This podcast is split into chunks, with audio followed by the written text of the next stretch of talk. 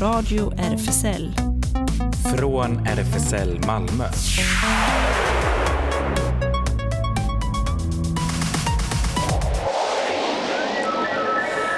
Välkommen till Radio RFSL, Riksförbundet för homosexuellas, bisexuellas, transpersoners, queeras och intersexpersoners rättigheter.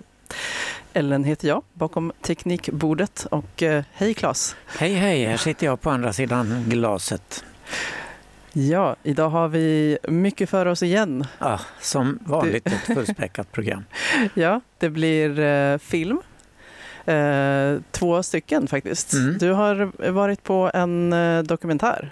Yes, premiär i fredags för The Other Fellow. Då får vi höra dels regissören och en av Bond. Det är en dokumentär om alla olika Bond, James Bond som finns i världen. Inte alla, men en del. Ja, just det. Det tyckte jag var en så rolig idé som vi berättade om sist. Att göra en dokumentär kring det. Och eh, jag var ju och såg eh, Dogborn. Eh, som jag ska berätta om. Eh, det är då Silvana Imams eh, skådespelardebut. Kan man den har säga. premiär på fredag. Just det. Mm. Mm. Och eh, Mello blir det lite också. Jajamän, det blir det. Och lite ett snutt om norska Melodi Grand Prix också. Ja, just det. Och sen eh, fick vi ju skickat till oss eh, årets Pride-låt. Just det, som vi glömde spela förra gången. Ja, så vi får inleda med den här nu. Så här kommer eh, Kärleken är fri med Anna Jadeus.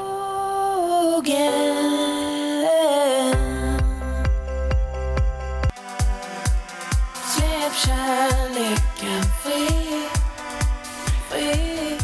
Kärleken är fri med Anna Jadeus och det är alltså årets Pride-låt. På skånska. Ja, Kul.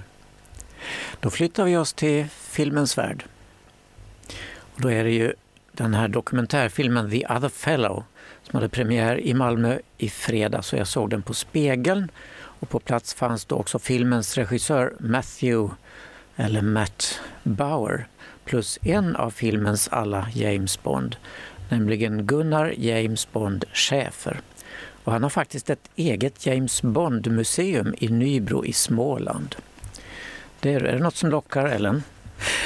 ja alltså i alla fall så pass att om jag råkade befinna mig i Nybro så så skulle, jag... Ja, ja. Och han har en egen broschyr för detta museum Ja. med plan för oss. Ja. Så fint så. Runt om i världen finns det ju ett antal män som faktiskt heter James Bond. Och det är minsann inte alltid så lätt får vi veta i den här filmen.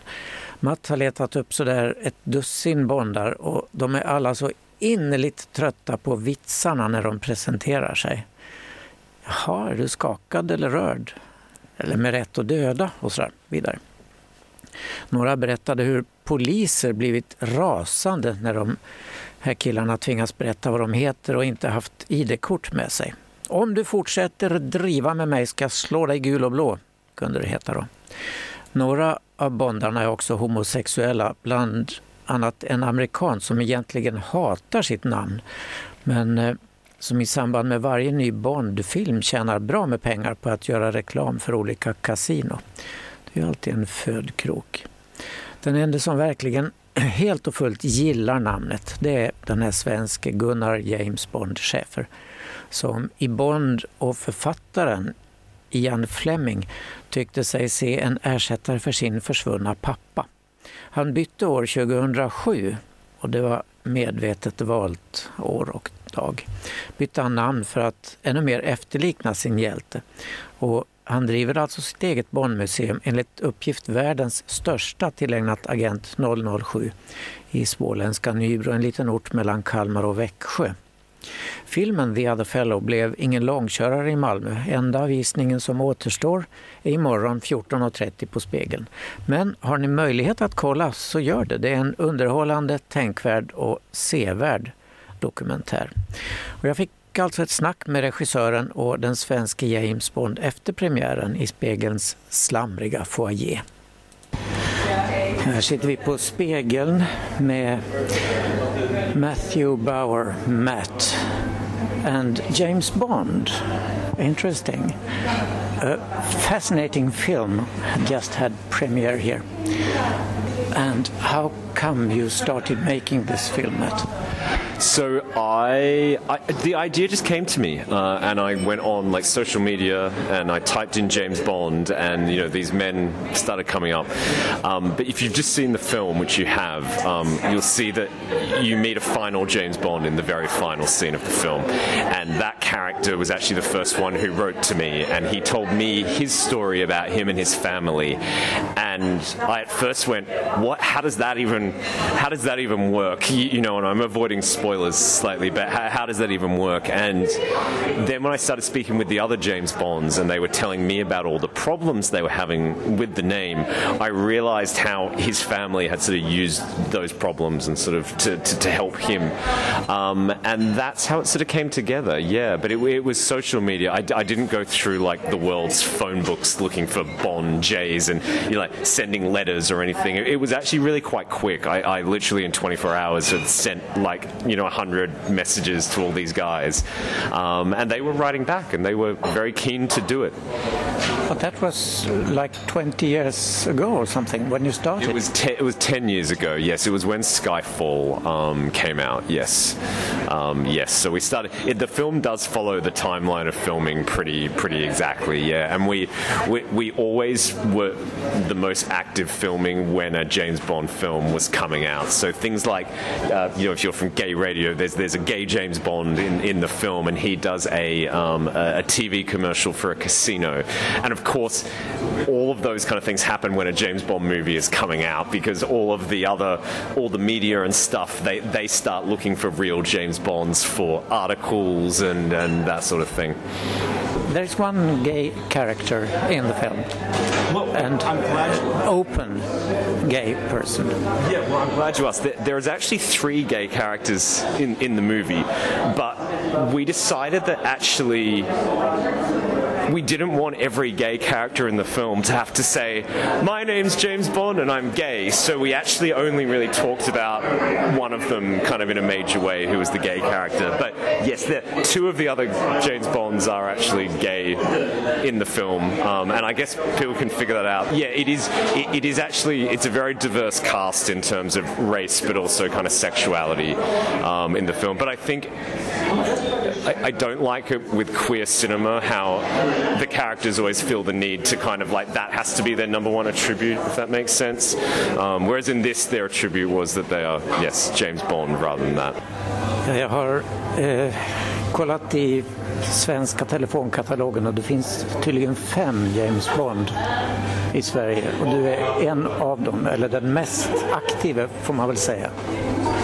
Ja, det är alldeles riktigt. Jag fick ju det här namnet godkänt 2007 då, eh, att heta Bond, James Bond i den ordningen också. Så det var egentligen, ehm, jag hade hoppats att få det godkänt av Skatteverket. Eh, men de var lite petiga sådär så att det var faktiskt en kvinna som ringde mig 2007 och berättade så här. Ja, jag var från Skatteverket här. Jag ska bara meddela att du fått namnet godkänt. Eh, Jaha, så du menar jag får heta James Bond? Ja, det får du. Och, mm, sen om du ska byta namn fler gånger då får du kontakta Patent och registreringsverket. Hej då! sa hon. och jag blev bara, vad hände här liksom? jag blev så chockad så jag visste inte riktigt om hon var förbannad eller om hon var glad eller ledsen. Men hon var lite sådär speciell kan man säga. Men nu har du ett helt museum i Nybro som handlar om James Bond. Ja, jag har skapat det här. Faktum är att jag började med att samla 1965 när jag såg min första film i Nybro på Royal. Eh, och då var det en sån här liten Aston Martin DB5 man hade med Jack to Seat och alla de här finesserna som fanns. Och då var man åtta år, man kom ut från bion och man var överlycklig. Så det suttit jag där egentligen. Och efter det så började jag faktiskt läsa Ian Flemings böcker på biblioteket och i Nybro då. Då tänkte jag det här kunde ju vara min pappa som hade varit med om något liknande eftersom pappa föddes i Tyskland utanför Nürnberg och eh, var med under andra världskriget för tyska flottan från 1939 till 1945. Och eh, när han då gifte sig med mamma eh, 1950 och fick tre barn så um, försvann han 59 från oss och så har jag letat efter mina rötter eh, på pappas sida. Och då hittade jag den här personen som hade en berättelse från andra världskriget och nästan är gammal med Fleming, eh, min pappa då. Så att där blev det naturligt för mig att hitta en fadersgestalt. För att det är faktiskt det som har hjälpt mig att leva vidare och kämpa nu här. Fantastic. And uh, you two have been making this film more or less together, I understand. Yeah, I mean, so with a lot of the characters, when you're making a documentary, you sometimes get people during the month where they will agree to take part in the documentary, but then you call them a year later and go, "Ah, we want to film something with you again," and they're like, and they say like, often they've like got a divorce or they've lost their jobs or they're not in a place where they feel like filming anymore. Um, whereas James was the only one who always wanted to film all the time, and because he does so many James Bond things, we had the idea that it would be good, you know, in the film he sees Ian Fleming, the creator of James Bond, as a father figure, and at some point we kind of went, what kind of ending can we give James? And we kind of thought actually that him going to Ian Fleming's grave, uh, because obviously in that sequence you think maybe it's his father's grave, but actually it's Ian Fleming's grave, and in kind of in this weird way he gets to meet and communicate in one way or another with, with his father. So yeah, there was always an extra scene to shoot. So many fascinating figures in this film, I must say. Uh, leaving that, your next film, Ethanol, I understand. What is this about? So, uh, well, it's about the world's number one drug problem, uh, which is ethanol. Um, ethanol is actually the drug that's inside alcohol and beer and wine and spirits and that kind of thing. And you know that's something I've struggled with. I've been, as James knows, I've been sober for three and a half years now. What I'm surprised by is that there isn't that film about alcohol out there. You know, you have the film. There are so many films about cocaine. There are so many films about, you know, the opioid crisis and that kind of thing. But what actually is the world's number one drug problem in the most massive ways? I mean, uh, alcohol kills ten times more people than every other drug combined. But where, where's the where's the film? Uh, yeah, and so I think that is coming up next. Yes. When is it out? I, I, when we start filming, I right, we're on this right now. Um, no, we're, we're currently in the process of writing that. Um, but I think that whilst this film took 10 years, I think I now know how to make a film in three years. Okay, thank you very much. Cool. Thank you very much.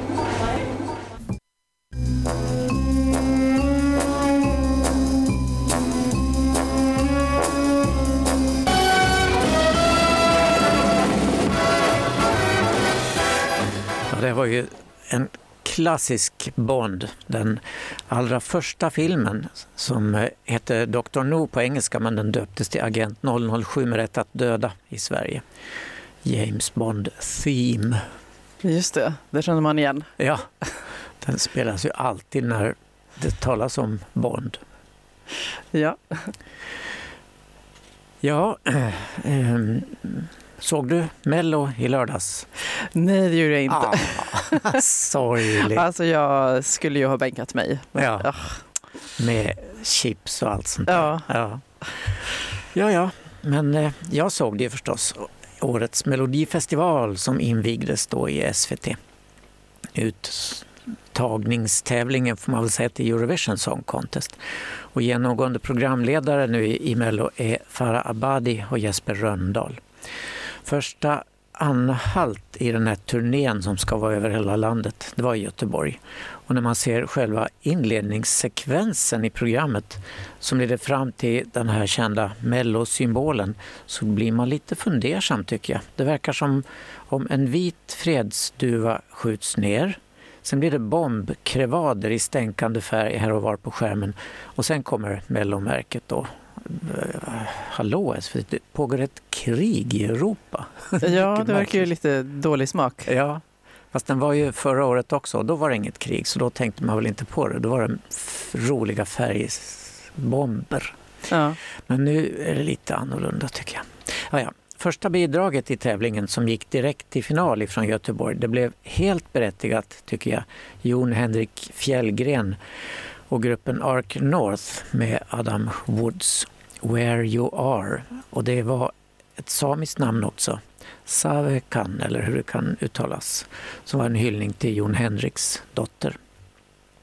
Och sen blev det omröstning, en andra omgång och då skickades även Tone Sekelius, Rhythm of My Show, vidare till finalen.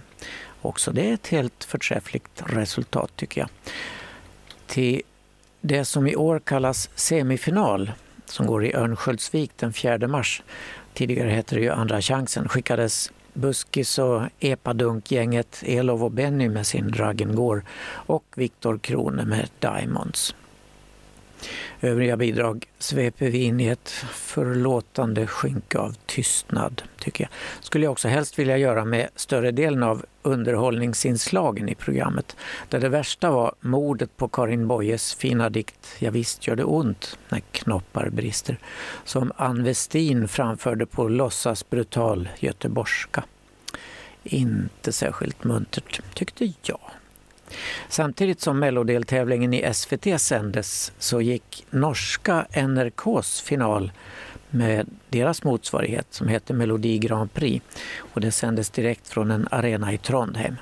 Segrare där blev norsk-italienska Alessandra med låten Queen of Kings. En dramatisk framtoning och bra genomfört och framfört tycker jag. Kan nog placera sig rätt bra i finalen i Liverpool den 13 maj. Men för mig verkade låten ligga väldigt nära Ukrainas vinnande bidrag från 2004, om ni kommer ihåg Wild Dances med Ruslana. Men på lördag fortsätter Mellocirkusen i SVT med deltävling 2 ifrån Linköping och bland artisterna där märks bland andra de icke, den icke-binära artisten Eden med låten Comfortable. Men så här låter Norges bidrag till Eurovision, Queen of Kings.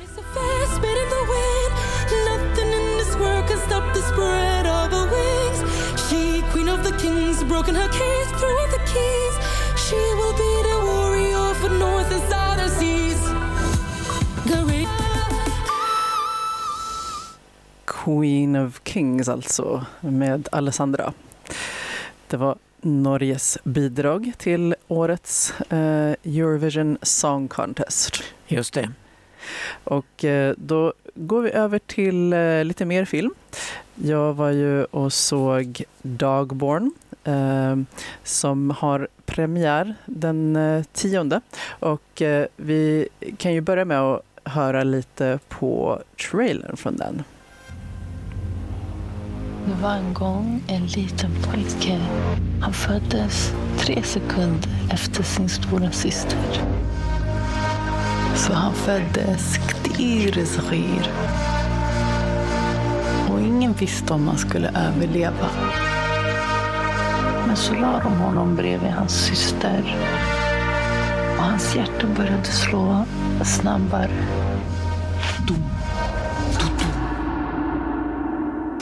واحد اثنين ثلاثة Vad är ert mål här?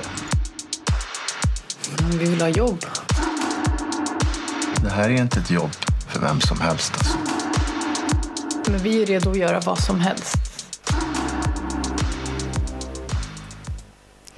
Ja, vi är redo att göra vad som helst, säger Silvana Imam då som gör sin debut som skådespelare i filmen Dogborn. Eh, och eh, man hör ju också henne eh, berätta, hon pratar med sin tvillingbror. Och nu ska jag bara, ursäkta mig, bläddra lite ner här. Ehm, tvillingbrodern spelas då av eh, Filip Oros. Ehm, och eh, den handlar om det här tvillingparet som eh, rör sig under radarn från samhällets regler kan man säga. Tvillingarna är väldigt olika. hon har väldigt kort stubin medan han, avvaktande, han är avvaktande och betraktande. Och eh, de tvingas söka sig till eh, kriminella kretsar för sin överlevnad. De får i uppdrag att sköta leveranser, som det kallas, eh, med okänt innehåll genom en vinterkyligt, ett vinterkyligt Stockholm. Och så när innehållet avslöjas så sätts deras mänsklighet på prov. Ehm, och ja, jag kan ju säga att den här leveransen, det, det bör man kanske nu egentligen avslöja vad det är. Eh, för att det är väldigt tungt eh, innehåll. Det, det rör sig om trafficking. Ehm, och och eh, det är inte bara vuxna kvinnor som säljs utan eh, också ett barn. Så att det är ett så pass eh, till och med. Att, Ja, det låter tungt. Ja. Ja, precis. Så att, så att jag tänker det, det bör man kanske veta ändå om man överväger att se filmen för att den, den är riktigt tung. Jag får säga att jag, jag tyckte att den var väldigt välgjord och Silvana Imam gör sig väldigt bra i, i den rollen också då som som eh, systern i det här eh, tvillingparet. Ehm, och eh, också, det, det finns andra rollinnehavare som eh, eh karaktären Yubi så, som är eh, en av de eh, som säljs, då, en av de kvinnorna som säljs spelas av Emma Lu. Eh, hon eh, gör sig också väldigt bra och det finns en, en väldigt eh, bra scen där hon blir arg på Silvana Imams karaktär eh, för att systern då Ja, hon beter sig som att hon tror att de är lite grann i samma båt. Men, men den här eh, karaktären Jubi säger att nej, det är vi verkligen inte. Eh, eh, du, du, har, ja, du har ändå en helt annan position än, eh, än vad jag har. Eh, och jag är mycket mer utsatt än vad du är. Eh, så kom inte att låtsas som att vi, vi har någon så här gemensam sak eller så. För det, eh, ja, hon säger något i stil med att jag, jag betraktar inte dig som bättre än dem. Eh, Det vill säga de här andra som säljer. Eh, Ja, så, så väldigt eh, tung men också väldigt fin. Dels så är eh, relationen mellan, eh, mellan syskonen då, eh, systern och brodern, den, den är ju väldigt fin. Ehm, och Eh, det finns också väldigt fina scener mellan... Eh, brodern ska man säga också, En väldigt eh, viktig del av den karaktären, det är att han pratar inte. Och man vet inte riktigt hur det kommer sig om det är så att han har... Det antyds ju lite att han kan ha varit med om någonting väldigt traumatiskt som gör att, att han inte kan prata. Helt enkelt, han har liksom förlorat, ja, blivit eh, bokstavligen mållös eh, kan man säga. Ehm, men eh, det finns en fin scen mellan honom och, och den här unga flickan faktiskt, ehm, som också säljs. Hon är ju verkligen flicka och inte kvinna. Mai heter den karaktären, spelad av Mia Liu. En fin scen mellan brodern och Mai då.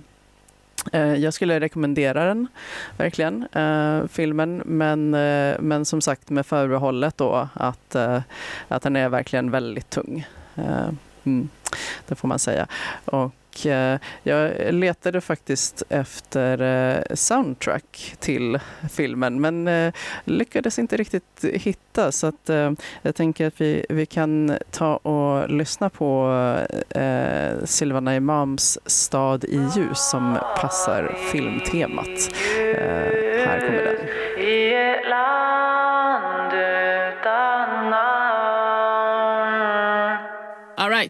Jag är plattorna på Sergels torg, rösterna som sa ifrån Strålarna från solen som jag känner varje...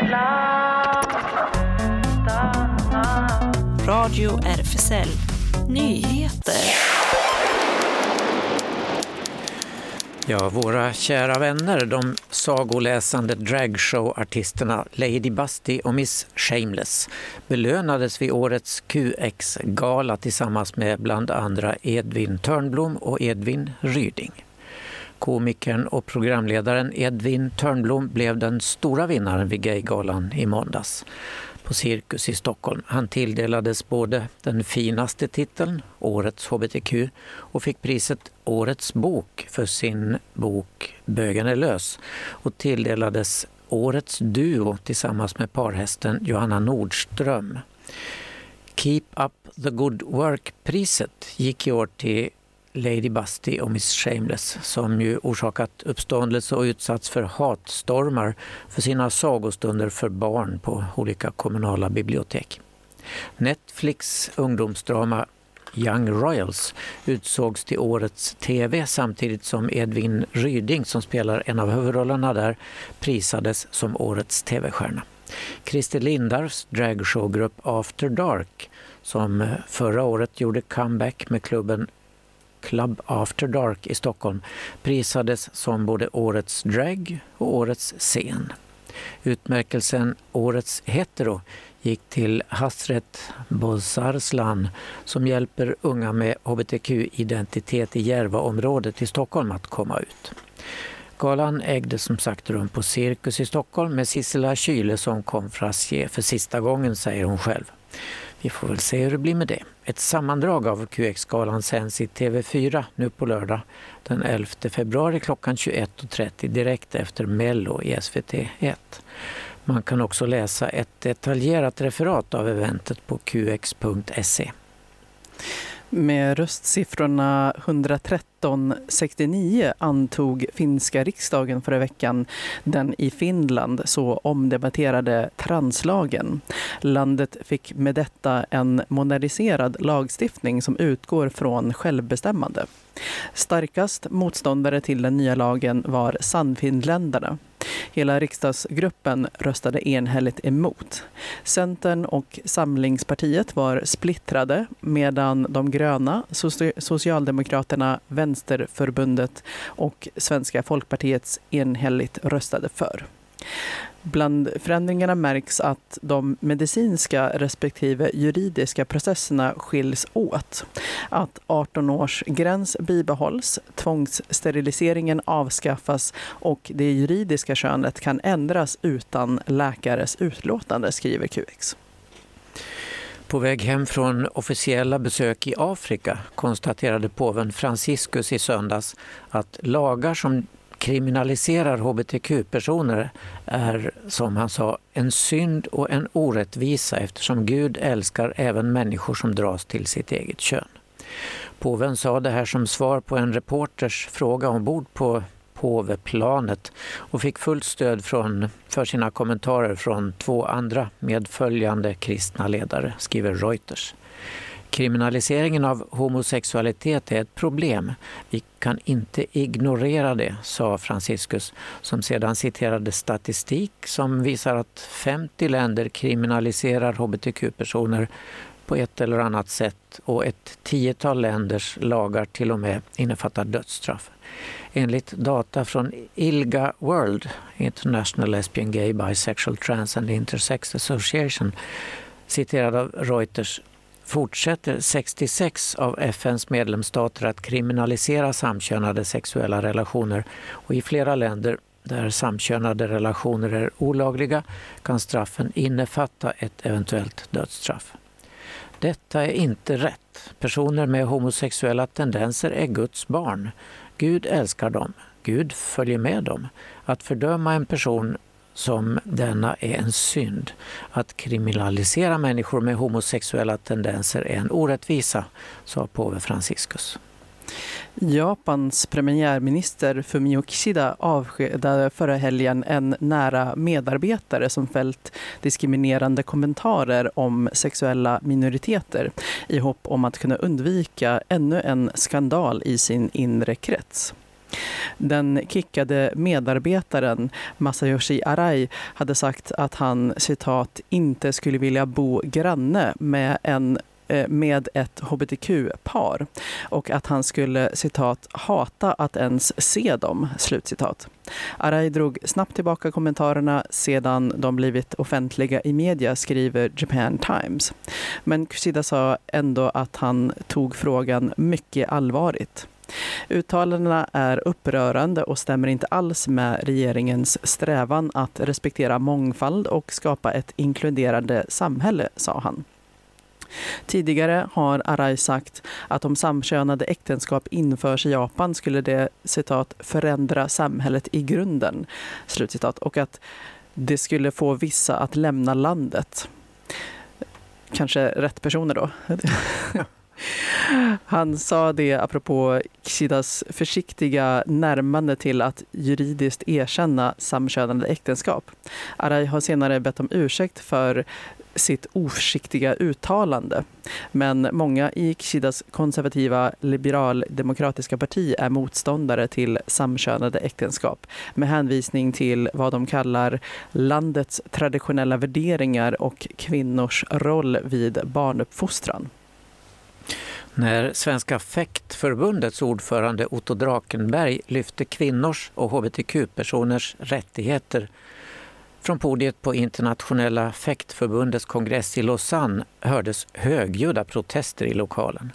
Otto överröstades och det bordsbankades från flera håll i salen och han ombads av mötesordföranden att sluta prata. Filmen när Otto Drakenberg tar upp kvinnors och hbtq-personers rättigheter i Saudiarabien har blivit viral. Händelsen utspelade sig i november förra året och fångades på film av Svenska fäktförbundets viceordförande Anna Valero Colantes. Dessa uppseendeväckande scener utspelade sig på Internationella fäktförbundets kongress i Lausanne i november, något som Dagens Nyheter var först att rapportera om. Protesterna i lokalen bröt ut när Svenska fäkt förbundets ordförande ville lyfta hbtq-personers rättigheter. Han blev tillsagd av mötesordföranden att sluta prata och deltagarna i lokalen försökte överrösta Otto med bankande och buande. Men han stod på sig och höjde istället rösten. Enligt Rakenberg ville han med sitt anförande lyfta problemet med sportswashing. Det är problematiskt att ett land som Saudiarabien anordnar mästerskap då man inte respekterar kvinnors och hbtq-personers rättigheter, sa han. Jag har aldrig sett någon bli bemött på det här sättet förut, även om Sverige har rest obekväma frågor förr om åren också. Det är chockartat, sa Otto till SVT Sport. Vi kan lägga ut en länk till den fantastiska videon från SVT Sporten där Drakenberg modigt och alltmer högljutt för att överrösta den homofobiska och odemokratiska delen av publiken och mötesordföranden. Han fortsätter att kräva svar på hur kvinnor och hbtq-personer kommer att behandlas under tävlingar i Saudiarabien. Så här lät det. Welcome will LGBTQ fencers be? What restrictions What risk?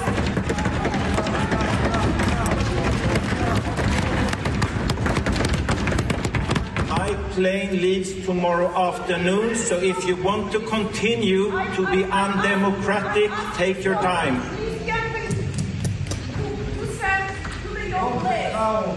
What restrict?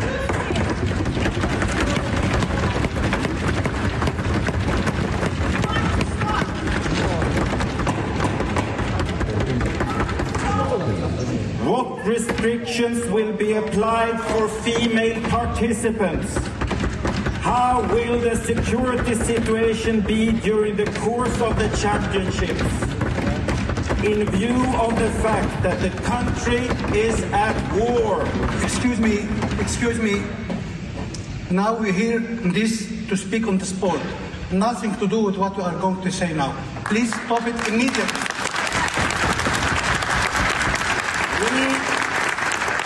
Mr. President, please.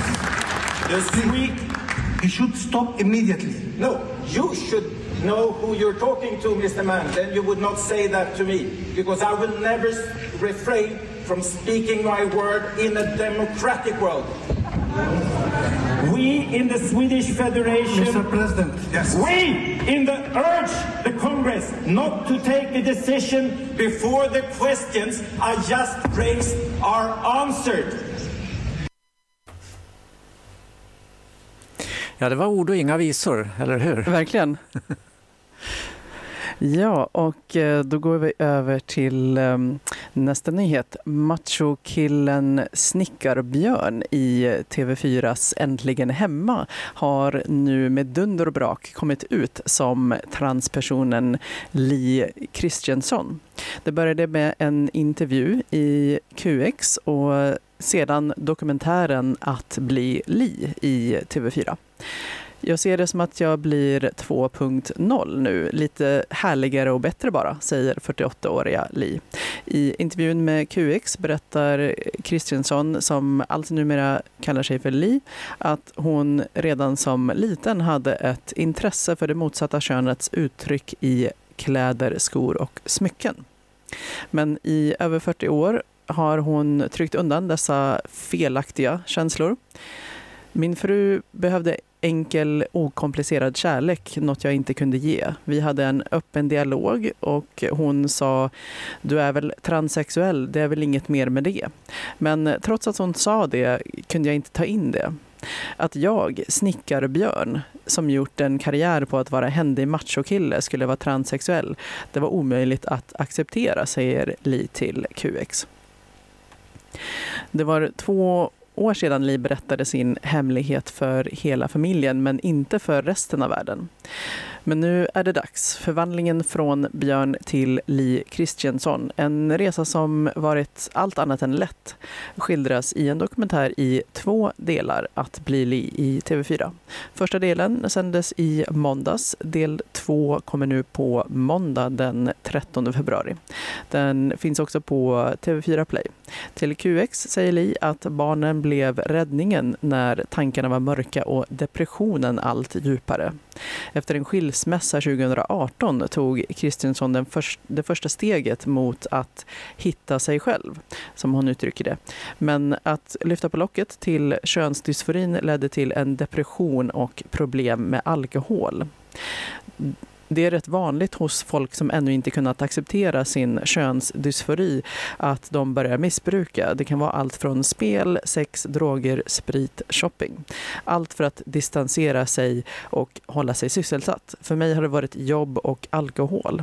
Men när jobben försvann under pandemin drack jag massor under depressionen. Jag kunde ha supit ihjäl mig för i slutet av depressionen var jag helt förstörd, säger hon. Så en kväll i mars för ungefär två år sedan kom vändpunkten.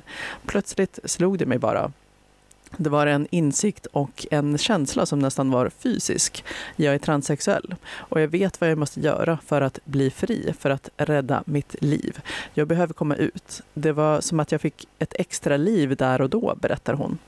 Även om övergången till att li eh, till att bli Li innebär kroppsliga förändringar så påpekar tv-profilen att hon fortfarande är samma person på insidan.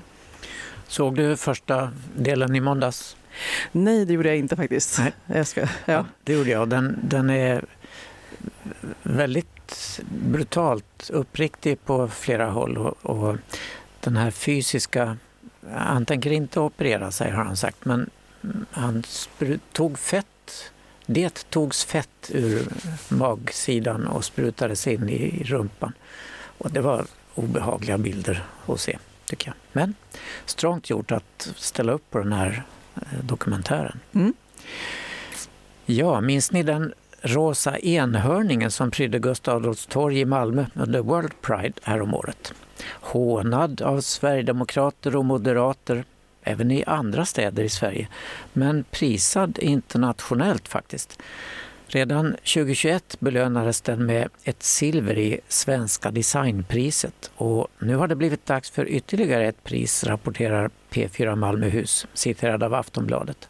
Malmö Unicorn, som statyn kallas, har nämligen fått utmärkelsen Special Mention i German Design Award, uppger MK Illumination som designat statyn.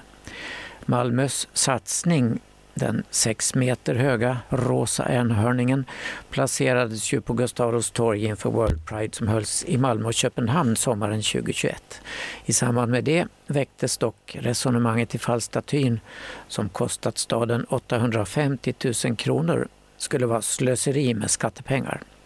Malmös socialdemokratiska kommunalråd Andreas Schönström kallade andra kommuners kritik trångsynt och tråkig och har tidigare hänvisat till att om Malmö skulle resonera som kritikerna så skulle staden varken kunna ha parkbänkar eller blomstersmyckningar eftersom det inte heller hör till välfärdens kärna. Ja, Mercedes, Sosa från Argentina har gjort en sång som heter Uni, Unicornio. Unicorns motsvarighet och enhörningen. Och Mercedes är verkligen en artist att ta till sig. En eh, oppositionell emot eh, militärregimen och socialist. Och, ja, kul tjej. Mi unicornio unicornio azul ayer se me perdió.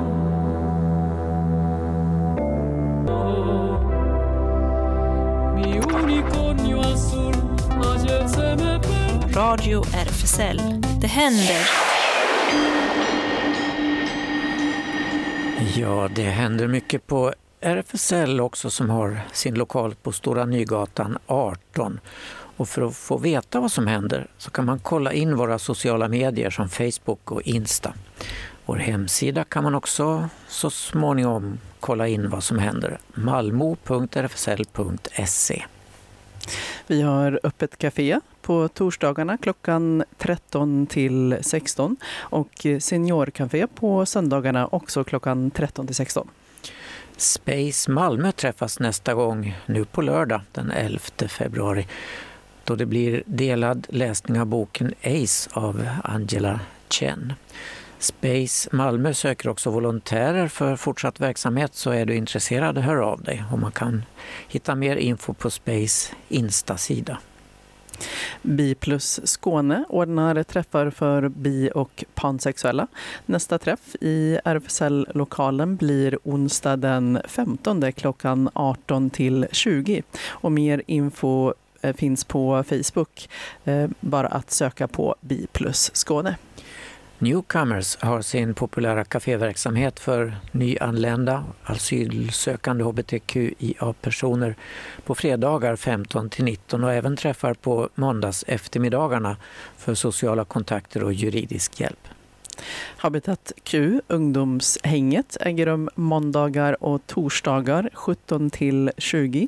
Kolla på Facebook eller Insta. Där är det snabel habitat understreck Q och DMa för att få veta var man träffas. SLM Malmö, klubben för bara män, har sin hemsida slmmalbo.se och sin lokal på Sallerupsvägen 30. På tisdagar är det klubb som är öppen 20 till 24. Dörren stänger då 22. Och på lördagar i princip är det klubb som är öppen 22 till 02 och då stänger dörren vid midnatt. Nu på alla hjärtans dag, tisdag den 14 i andra, blir det öppet hus klockan 20 till 24. Alla är välkomna och ingen klädkod och gratis entré så då kan man gå och bekanta sig med lokalen och folket. Och fredag den 17 då blir det ungdomsparty för bara unga män, max ålder 30 år och då är det öppet 22 till 02. Mm. Och imorgon, torsdag 9 februari klockan 19.30 blir det film på den lilla mikrobiografen Hypnos, No Ordinary Man. Eh, det är en dokumentär som följer den amerikanska jazzmusikern Billy Tiptons historia eh, och vars eh, död 1989 väckte en hel uppståndelse i pressen när han avslöjades som trans utan, eh, utan genom att samarbeta med en mängd transartister och skådespelare eh, ger det ny mening åt hans arbete. Så det kan vara värt att se imorgon klockan Ja. 19.30. Den lilla spännande biografen Hypnos. Ja, jag kan faktiskt pusha lite för, för den också för att eh, det är, väl, det är en väldigt bra deal där man för 100 spänn får man se hur många filmer man vill under tre månader. Så det, det är rätt bra. Okej. Ja. Ja, och mer film på lördag eh, klockan 15.30 på Panora så är det regissörssamtal med filmen Sockerexperimentet. Den har premiär på fredag på flera biografer i stan. Eh, och eh, det är en eh, ganska fascinerande film. Jag var i Göteborg igår och läste in syntolksband till den filmen. Så att är man synskadad och har en smarttelefon så kan man få den syntolkad. Men på lördag är det alltså regissörssamtal. Sockerexperimentet. Jo, John Tornblad heter regissören och det handlar om eh, förskräckliga Vipeholmsexperimenten som utfördes i Lund på slutet av 1940-talet. Och det, ja, de personerna som bodde på Vipeholm då utsattes för ett experiment. De fick äta socker, socker, socker och dricka sockerlösningar för att kolla hur socker påverkar tandhälsan. Mm. Utan att de hade gett sitt tillstånd till detta förstås. Just det, och det finns också en dokumentär om det på eh, P, P1 har jag för mig. P3. P3 var det? Ja, Ja. just det. Okej. Mm. Och på söndag klockan 13 till 17 eh, tillsammans lyssnar vi på Bröd och rosor. Eh, to our heroes in Iran and Kurdistan heter det eh, på Amalthea bokcafé. Eh, Bröd och rosor kommer att ha en läsning till Iran och Kurdistans eh, hjältar och vi kommer att lyssna och titta tillsammans eh, på Amalthea. Välkommen du med, säger de. 13 till 17. Och på onsdag den 15 klockan 18 till 20 är det en studiecirkel som drar igång på ABF i Malmö. Dekolonialitet. Eh, vad, görs, vad görs till universellt? Vad räknas som kunskap och sanning? Vem får lov att räknas som människa och varför ser det ut på detta sätt? Det här går man in på i denna studiecirkel på den 15 och man kan kontakta ABF för att få mer information om detta. Mm. Eh, eller så kan man eh, skriva också till Malmöfeministerna på Instagram. Eh, och eh, på onsdag den 15 mer film kan man ta del av på eh, biograf Hypnos. Everything Everywhere All at Once. Eh, den tror jag har fått ganska mycket uppmärksamhet eh, också. Så att eh, kan vara värd att se klockan 19.30. Det blir precis efter radion. Man hinner lyssna på oss och så cyklar iväg kvickt till Hypnos. Ja, just det. Ja, Malmö Queer Munch kommer vi till då. Nästa ja, onsdag den 22 februari. Ja, då ligger vi långt fram. Ja, ligger vi långt fram i tiden. Och då är det eh, vad är nu Queer Munch för någonting, du som har skrivit detta? Just precis. Eh, jag, jag har ju fortfarande inte varit själv, men jag har flera gånger tänkt att jag ska. Eh, och eh, tanken är ju då att ehm, kinky queers kan samlas och hänga. Alltså det verkar vara ett rent socialt häng, umgänge. Oftast så får man veta dagen innan var man ska vara, för de är inte alltid på samma plats. Eh, så det är väl eh, lite liknande Malmö queer takeover. Ja, just det. Ja, eh, och det lite- här är också ett Facebook-evenemang. Ja, precis. Så att man kan bara gå in, söka på Malmö Queer Munch på Facebook. Då lär man få upp eh, evenemanget.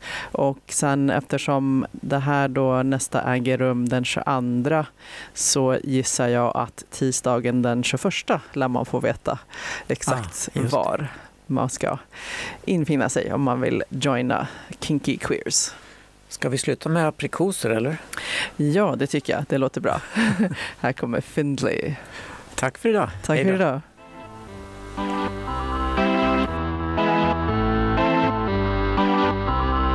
Tears on the teardrop, coffee in the coffee pot, the rain on the rooftop gives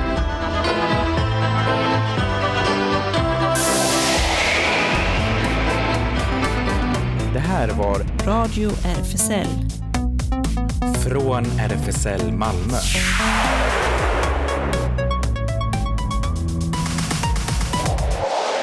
Kolla in Radio RFSL på Instagram och Facebook för mer information.